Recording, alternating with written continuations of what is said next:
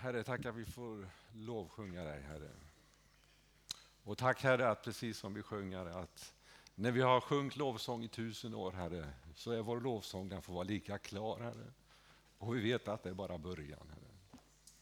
Jag tackar dig för det du har berett för oss, Herre, och jag tackar dig för att vi får vara dina barn, Herre. Jag tackar dig också, Herre, för precis som vi sjunger, att du har gett oss livet som gåva, Herre. Och jag bara ber att vi ska ta emot det här. Att det inte finns någon här idag som inte har tagit emot den gåva som du har gett, Herre. För du dog för oss, Herre. Du uppgav allt för min skull, för vår skull, Herre. Och dig vill vi bara upphöja och ge all ära idag, Herre. Tackar dig för ditt ord. Jag tackar dig för det, de tankar, Herre, som du har lagt på mitt hjärta, Herre. Och jag, jag ber verkligen, Herre, att dina tankar skulle få bli mina tankar, Herre. Och jag ber precis som det Linnea sa i inledningen här, att det du har lagt ner i var och en av oss, här, att vi skulle hitta det, att vi skulle vårda det. Att vi skulle plocka upp det, Herre, och leva det liv som du har tänkt för oss, Herre. För du har tänkt så stort och gott för oss var och en, Herre. För du är allt igenom god, Herre. Jag ber att vi skulle förstå det, känna det. Jag ber helige Ande kom och andas liv i oss den här förmiddagen. Kom och rör vid våra hjärtan. Vi bara vill lägga våra liv inför dig, inför korset, inför dina fötter, Herre. Herre, vi ber att du skulle få bli allt i våra liv. Amen. Tack teamet för vad ni gör och leder. En liten eh, kompletterande pålysning bara inför kvällen. Vår kära bibelstudieledare är inte hemma än. Han är ute och flyger någonstans i världen. Så det blir inget vanligt bibelstudie ikväll. Vi kommer att samlas klockan 18 men det blir lite fokus på bön. Vi kommer att dela lite grann utifrån Efesierbrevet där vi är, men det blir inte ett renodlat bibelstudie. Men vi samlas och ber. Det var så gott, ungdomarna tyckte, men vi kan väl be i alla fall, sa de. Ja, det är klart vi kan. Det är jättebra. Vi ber och vi delar lite från ordet. Eh, hörni, Jesus kommer skrev jag i den här eh, bilden som vi la ut på Instagram, Facebook. Vårt hopp Jesus kommer. Vi har varit mycket, eller i bibelstudien är vi i Efesierbrevet. Det handlar mycket om vad vi har i Kristus, att vi, vad vi är i honom. Och är, det handlar också mycket om hur, hur tar mitt liv sig uttryck när jag nu har fått allt detta i Jesus. Vi har gått igenom början av bergspredikan som också talar mycket om vägen för att uppleva den här djupa, sanna glädjen och lyckan som vi bara kan få uppleva med Jesus och om vi går de vägar och tar till oss de råd som han ger oss om vi vill uppleva detta. Vi är på väg in i bergspredikan, det handlar om salt och ljus. Jag kommer inte att tala om det idag. Jag hittar en annan salighet i Bibeln, det finns nog mycket, men den, den hoppar upp liksom och träffar mig på något sätt. Och det står i Titus 2.13 Medan vi väntar på det saliga hoppet att vår store Gud och frälsare Jesus ska träda fram i härlighet. Det saliga hoppet. Och jag hoppas att vi alla delar det hoppet och känner att det är någonting som gör mitt hjärta glatt och lätt och jag får känna en djup lycka i detta. Jag tror att nästa stora händelse för den kristna församlingen det är när församlingen får ryckas upp och möta Jesus på skyarna. Jag tror det är nästa stora händelse. Vi lever i en tid där det händer mycket och så här, men det kommer att vara något som är stort och nästa stora händelse, när vi får lyftas upp och att det får vara vårt saliga hopp när Jesus kallar oss upp och möta honom. Och jag, jag, tycker det är en så fantastisk dag och det, det lever i mitt hjärta Ja, jag skulle nog våga säga dagligen. Så är det. Och jag vet att jag kanske landar i det, kanske man kan tycka för ofta när man står där framme, men jag tycker det, det är så viktigt att vi har det med oss hela tiden. För det får oss på något sätt ändå att, att vara fokuserade. Det får oss på något sätt ändå känna att det är allvar. Att jag har inte hur lång tid som helst här nere. Utan det här är det som är mitt hopp. Och det hoppet vill jag dela med så många som möjligt medan jag har tid att göra det. Tänk vilken dag med min Jesus jag får se. Men under tiden då, då ligger ju det här som vi har talat om i Efesierbrevet och bergspredikan, ligger ganska nära ändå. Hur förvaltar jag mitt liv? Hur är min relation till Jesus? Den är så viktig med relation till Jesus. Jesus han är församlingens huvud och därmed blir också min relation till församlingen väldigt viktig i detta. För det är ju ändå Kristi kropp och det är här vi umgås.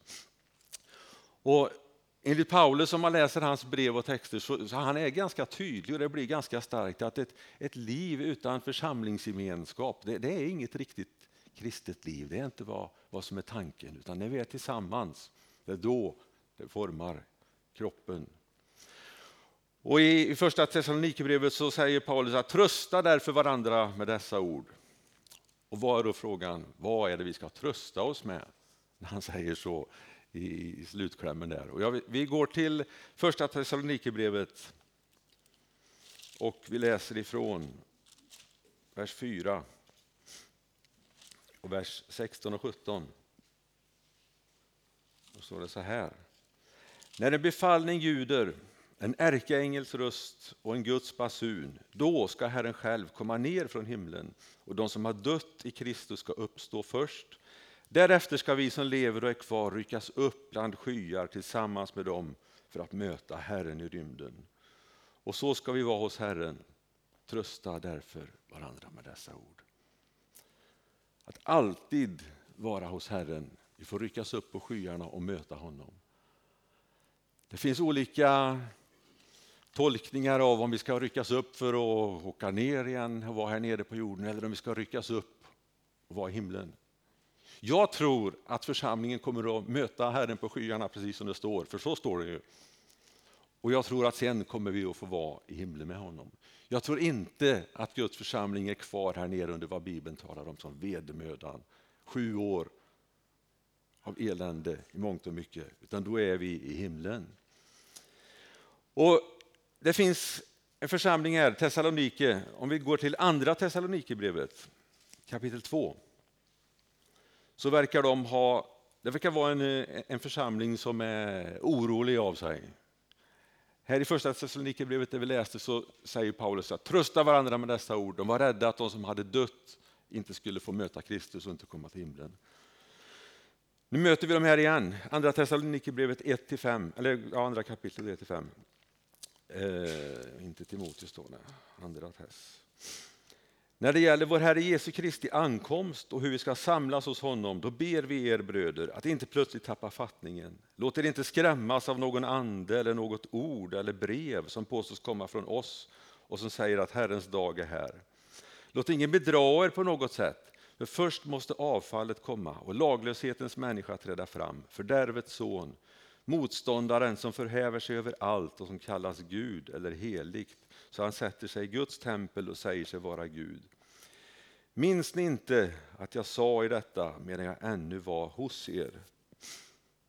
Han hade varit hos dem tidigare och talat om precis det vi läste i första Thessalonikerbrevet, att de skulle trösta varandra med detta. Och nu verkar de ha kommit in i någon, något oroligt läge igen och tänkt, nej men har vi missat någonting? Har Jesus kommit tillbaka? Är vi kvar? Lever vi i vedermödan? Har vi bommat allt detta? Och Paulus säger, men minns ni inte vad jag har sagt? Att först ska Antikrist träda fram, säger han. Och den här första församlingen, hur de levde i den här tron och förväntan varje dag. Och då funderar jag på, hur lever vi? Lever vi också i den tron och förväntan? För vi är ju faktiskt närmare den dagen, väldigt mycket närmare den dagen än vad de var här, det vi läser i Bibeln. Det skiljer 2000 år, typ. Vi är väldigt mycket närmare. Vi borde vänta på Jesus.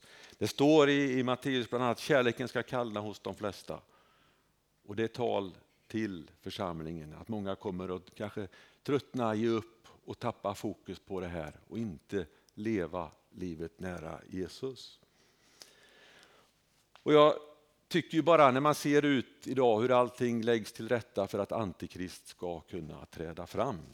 Allting bara, man bygger en stor bred väg tänker jag för honom att bara gå rakt fram och ta över precis på det sättet som är tänkt. Och det står ju också, om vi går till första Johannes brev, att Antikrist ande är redan verksam idag i allt det som sker. Första Johannesbrev 4, 2, 3 står det så här.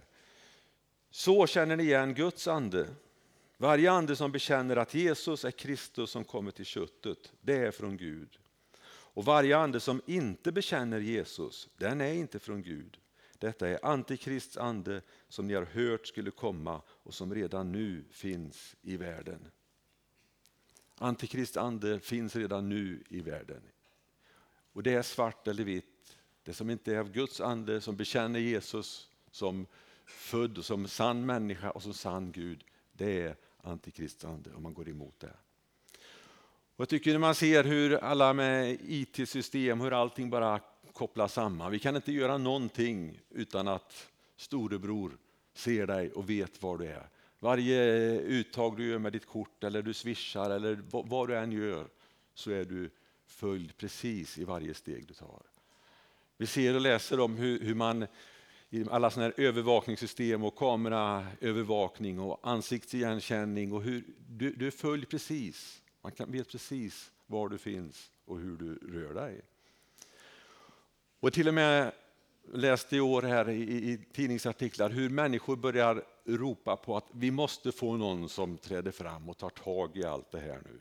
Även om det skulle innebära någon form av diktatur i princip, säger man, så behöver någon träda fram och ta över och se till att det blir ordning på allting.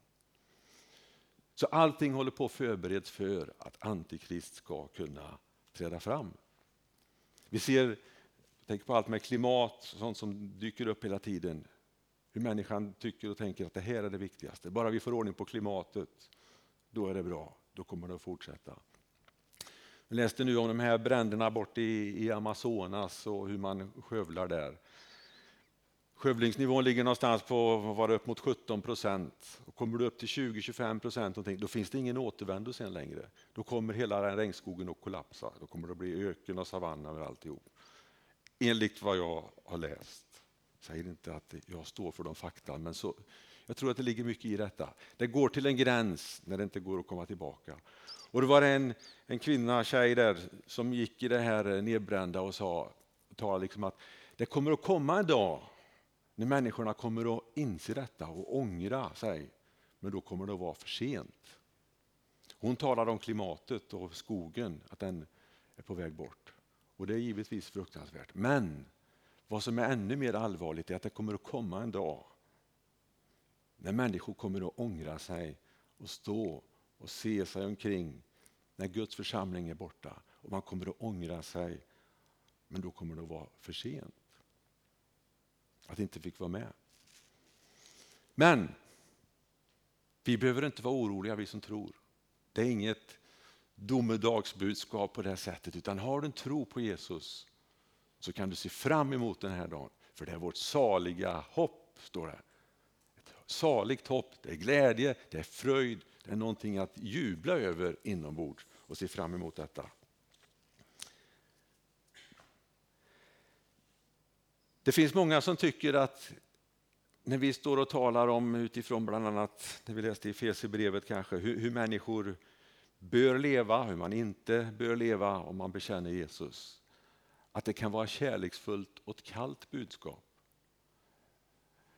Men jag tänker att om vi inte lyfter fram vad Bibeln säger, om vi inte talar om detta, att det finns två olika utgångar att gå.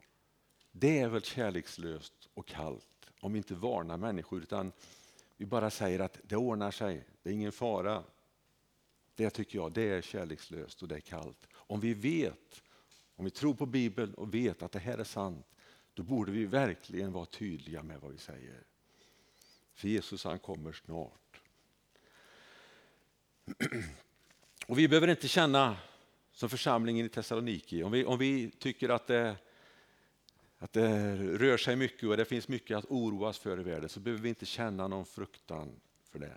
För vi har ett hopp och vi har en tro på att Jesus kommer. Och jag tror att innan den här tidsperioden av sju år som Bibeln talar som vedermödan, då är församlingen inte med i den. Vi kommer att bli bevarade från det, det är min fulla övertygelse. Det finns en församling som Paulus säger som motvikt till församlingen Thessalonike och det är församlingen i Berea. Och det står om dem i Apostlagärningarna bland annat och det står att de forskade varje dag i skrifterna för att se om det stämde. Och det vill jag uppmana dig till. Forska varje dag i Bibeln och se vad som stämmer, se vad som händer.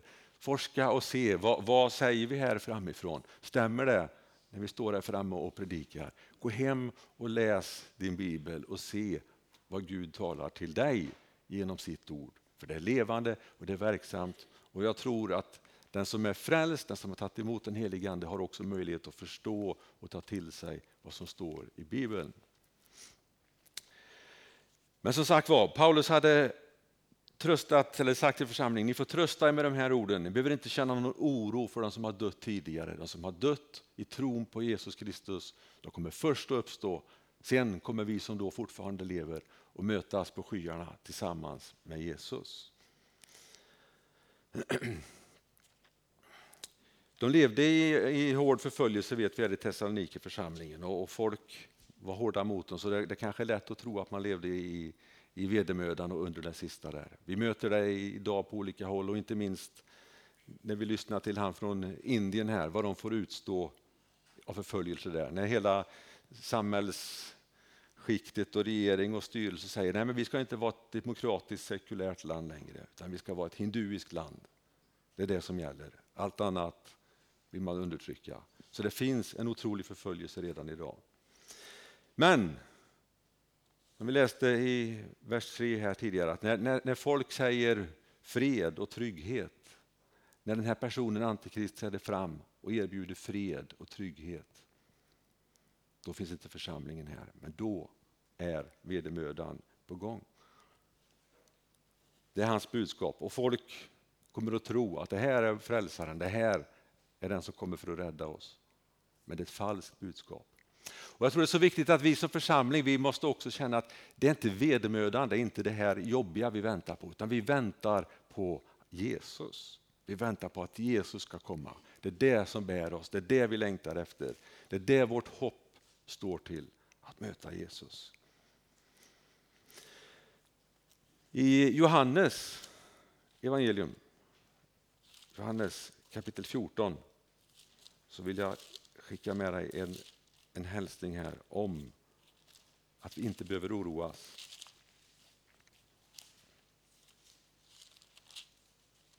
Jag tror ändå att vi behöver eh, känna oro, eller inte känna oro, känna att vi inte behöver känna oro i det här ändå. Jag tänkte på det i, i, i natt eller morse. Det har blåst väldigt, om ni har märkt det, i natt. Vi har funnits uppe, det har blåst, jag har vaknat flera gånger. Men känner man, det, det, är oroligt där ute, det blåser där ute, det stormar, men här ligger jag lugnt och skönt och säkert. Och så är det med vår tro också, tänker jag. Att det stormar här ute, vi möts av mycket som vill slå sönder vår tro kanske. Men vi kan känna ändå, här är vi inneslutna i Jesus och kan känna oss trygga och ha ro mitt i den stormen som drar förbi. Och så här står det i Johannes kapitel 14, tre första verserna. Låt inte era hjärtan oroas. Tro på Gud och tro på mig. I min fars hus finns många rum och om det inte vore så då skulle jag, skulle jag då ha sagt er att jag går bort för att bereda plats för er. Och om jag nu går bort och bereder plats för er då ska jag komma tillbaka och hämta er till mig för att ni ska vara där jag är. Jesus kommer att hämta oss tillbaka för han vill att vi ska vara där han är. Han bereder plats för oss. Det finns en boning, rum, plats för dig och mig, för oss alla. Och det håller på att förberedas just nu. När du blir frälst, när du tar emot Jesus, säger jag till honom, så får du den heliga Ande som sigill, säger Bibeln. Du får den bekräftelsen och stämpeln på att du är mitt barn. Du behöver inte oroas längre. Och känner du oro, så sök dig ännu närmare Jesus för att få känna friden i ditt hjärta. Men det finns ändå lite varningstexter på det här att vi, får inte, vi ska inte slappna av, vi ska inte slå oss till ro. Utan medan vi väntar på Jesus då ska vi förbereda oss. Vi ska förbereda oss för bröllop och få möta Jesus. Det är vårt uppdrag. Samtidigt som vi vittnar för andra människor så ska vi leva i en förberedelsetid. Och i, i Matteus kapitel 25, vers 9 och 13 då står det om tio jungfrur som väntar på brudgummen och väntar på bröllopsföljet. Då står det i vers 9. De kloka svarade, ja, kan vi kanske kan behöva läsa fler kanske här. Vi läser ifrån vers 1 och framåt så får vi hela sammanhanget. Då ska himmelriket bli som när tio jungfrur tog sina lampor och gick ut för att möta brudgummen. Fem av dem var oförståndiga och fem var kloka. De oförståndiga tog sina lampor men tog inte med sig någon olja, medan de kloka tog olja i kärlen tillsammans med sina lampor. När brudgummen dröjde då blev de alla dåsiga och somnade, och vid midnatt hördes ett rop, brudgummen är här, gå ut och möt honom. Då vaknade alla jungfrurna och gjorde i ordning sina lampor. De oförståndiga sa till de kloka, ge oss av er olja, våra lampor slocknar. Men de kloka svarade, den skulle inte räcka till oss till er, gå istället till dem som säljer och köp. Men de, när de hade gått iväg för att köpa, då kom brudgummen och de som var redo gick med honom in till bröllopsfesten. Dörren stängdes och till slut kom de andra jungfrurna tillbaka och sa Herre, Herre, öppna för oss. Men han svarade, jag säger er sanningen, jag känner er inte. Håll er därför vakna, för ni vet inte vilken dag eller timma han kommer. Vi behöver hålla oss redo hela tiden. Och Den här liknelsen är också väldigt tuff kan jag tycka. Den är, Jesus talar till lärjungarna, det är en hälsning till församlingen. Där hälften är redo och hälften inte redo. Jag ber ju och hoppas och tror att inte det ska gälla församlingen här. Men jag är rädd för att det finns församlingar där det kanske är på det här sättet. Man har sken om sig, man säger man är kristen, man säger att man är troende. Men man är inte redo, man lever inte och har den heliga Ande, har den levande oljan i sitt inre. Vi behöver hela tiden förbereda oss och göra oss redo. Och I kapitlet innan, om, i, i, kapitel 24, så står det just om det här att inte sluta vänta, att inte tro att ah, men det dröjer så jag behöver inte, det är inte så noga. Utan vi ska vänta hoppfullt på att Jesus kommer. Och under tiden så gör vi oss redo och vi håller oss redo. I 24.48 står det, min herre dröjer. Tänker man, ja, jag kan göra lite som jag vill. Det är ingen panik. Jag hinner förbereda mig. Men så säger inte Bibeln. Utan vårt liv nu det är att förbereda sig för bröllop och möta Jesus. Du och jag behöver känna Jesus. Och frågan är också, känner Jesus dig? Jesus han är med sina lärjungar, det är faktiskt inte så långt innan avslutningen på hans jordeliv här. Då sitter han med lärjungarna och frågar, vad säger folket att jag är? Och de lyfter fram olika saker. Men så kommer den viktiga frågan, vem säger ni? Eller rättare sagt kanske till oss, vem säger du att Jesus är? Vem är Jesus för dig? Långt tidigare hade, när han hade drivit ut demoner och onda andar, de hade sagt att du är Guds son. De visste vem Jesus var. De visste vem Jesus var. De fallna änglar, de visste varifrån Jesus kom och vem han var. Men det räcker inte att veta vem man är. Du behöver ha en relation, du behöver känna Jesus och säga ja till honom. Och Petrus han hade fått upp ögonen och förstått detta. Att han var Guds son. Och idag är det alltid möjligt att få lära känna Jesus. Mera på djupet eller om man känner att ja, men jag har ont i saken klar. Då kan man få känna Jesus. Mina ögon har sett Herren, kommer vi att få lyssna till här sen. Har dina ögon sett Herren? Har du fått möta honom? Att leva nära honom. I Judas brev så står det att vi ska bygga upp oss själva och be den helige anden, håll er kvar i Guds kärlek. Gud har makt att bevara dig när det stormar och när det blåser. Han har makt, som det står, att föra fram dig fläckfri och jublande. Inte orolig och rädd eller smutsig, utan fläckfri och jublande. Han har makt att föra fram dig det. I Kolosserbrevet står det att han vill föra fram er heliga, fläckfria och oantastliga inför honom. Det vill Jesus göra i ditt liv. Den helige Ande får leva i dig och föra fram dig på det sättet. Och Vi behöver möta och ta emot Jesus tänker jag, varje dag i våra liv för att leva det här heliga livet. I andra Petrusbrevet står det, gör allt ni kan för att bli funna rena och fläckfria. tänker, medan vi förbereder oss för det mötet med Jesus så gör vi vad vi kan. Och det vi kan det är egentligen att öppna våra hjärtan och låta den helige Ande, låta Jesus ta plats i våra liv. Sen får Gud och den helige Ande göra sitt verk i oss. Och Det är så viktigt att vi inte slappnar av i detta. I andra Petrusbrevet 3, verserna 8 och 9, så står det så här.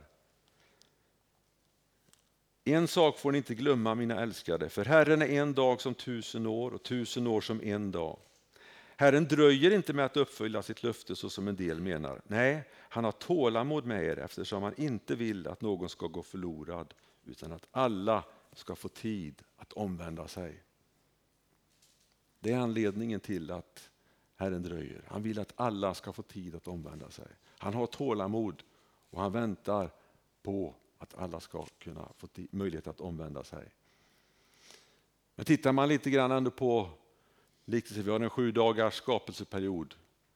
Det finns mycket som tyder på ändå att någonstans runt 7000 år är den tid som Gud har tänkt för mänskligheten. Vi har någonstans runt 6000 år bakom oss. Vi sjöng om ett tusenårsrike här förut. Och det står inför dörren tror jag. Vi står inför den dörren alldeles snart. När Jesus kommer först och hämtar församlingen upp. Vi får fira bröllop och vara med honom. Jag kommer att dra fram en tid här nere som kommer att vara oerhört tuff och hård. Jag tror inte att Gud har för avsikt att vi ska utsättas för det och behöva genomgå det. Utan då tror jag att då är församlingen i himlen. Och efter de sju åren då kommer församlingen med Jesus i spetsen och komma tillbaka hit ner och då kommer vi vara med och få regera med Jesus under de här tusen åren. Under tusen år, när det får vara så som Gud hade tänkt från början här nere. Björn och lejon och lamm sida vid sida som vi läser. Det får vara så här. Och då kan vi få vara med om vi gör oss redo nu för att möta Jesus. Frågan är, har vi olja i våra lampor? Jag hoppas att vi alla vi väntar på Jesus, precis som den första församlingen, med, med hopp. Och man varje dag tänkte, är det idag han kommer? Är det idag han kommer? In, men vi ska inte gripas av den oron som de kände här. Oj, har han redan kommit? Har vi missat detta? Det behöver vi inte göra. För lever vi nära honom och har en, en levande relation med Jesus, då kan vi vara trygga och känna frid över detta. Då får det vara vårt saliga hopp att vi får möta Jesus. Lovsångsteamet, ni får leda oss i lovsång här och vi öppnar som vanligt vår böneplats. Där du kan få möta Jesus, du kan få mer av honom, få vara mer, du kan få uppleva välsignelse och kraft i detta. Herre, jag tackar dig än en gång för att du, du vill fylla oss med tro och hopp, Herre. Och jag ber Herre att var och en som är här idag ska få känna att det får vara ett saligt hopp, ett, ett, hopp av lycka, ett hopp av någonting att se fram emot med glädje. Att du kommer och hämtar din församling hem. Jag tackar dig för att vi får leva i en, en så spännande tid ändå, Herre. Även om vi ser allt det här mörka runt omkring, Herre, så behöver vi inte förfäras, Herre. Vi behöver inte känna oss nedstämda och nedslagna här, utan vi får lyfta blicken och fästa den på dig. Och veta här att en dag så kallar du oss hem. En dag Herre så kommer vi att få möta dig på skyarna Herre.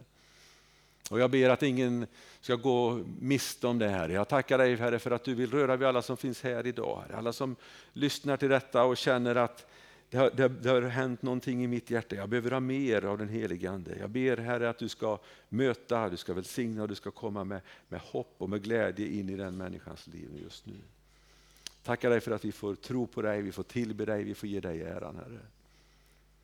Tackar dig för att du och mötet med dig, det får vara vårt saliga hopp Herre. Vi längtar efter dig Fader. Amen. Amen.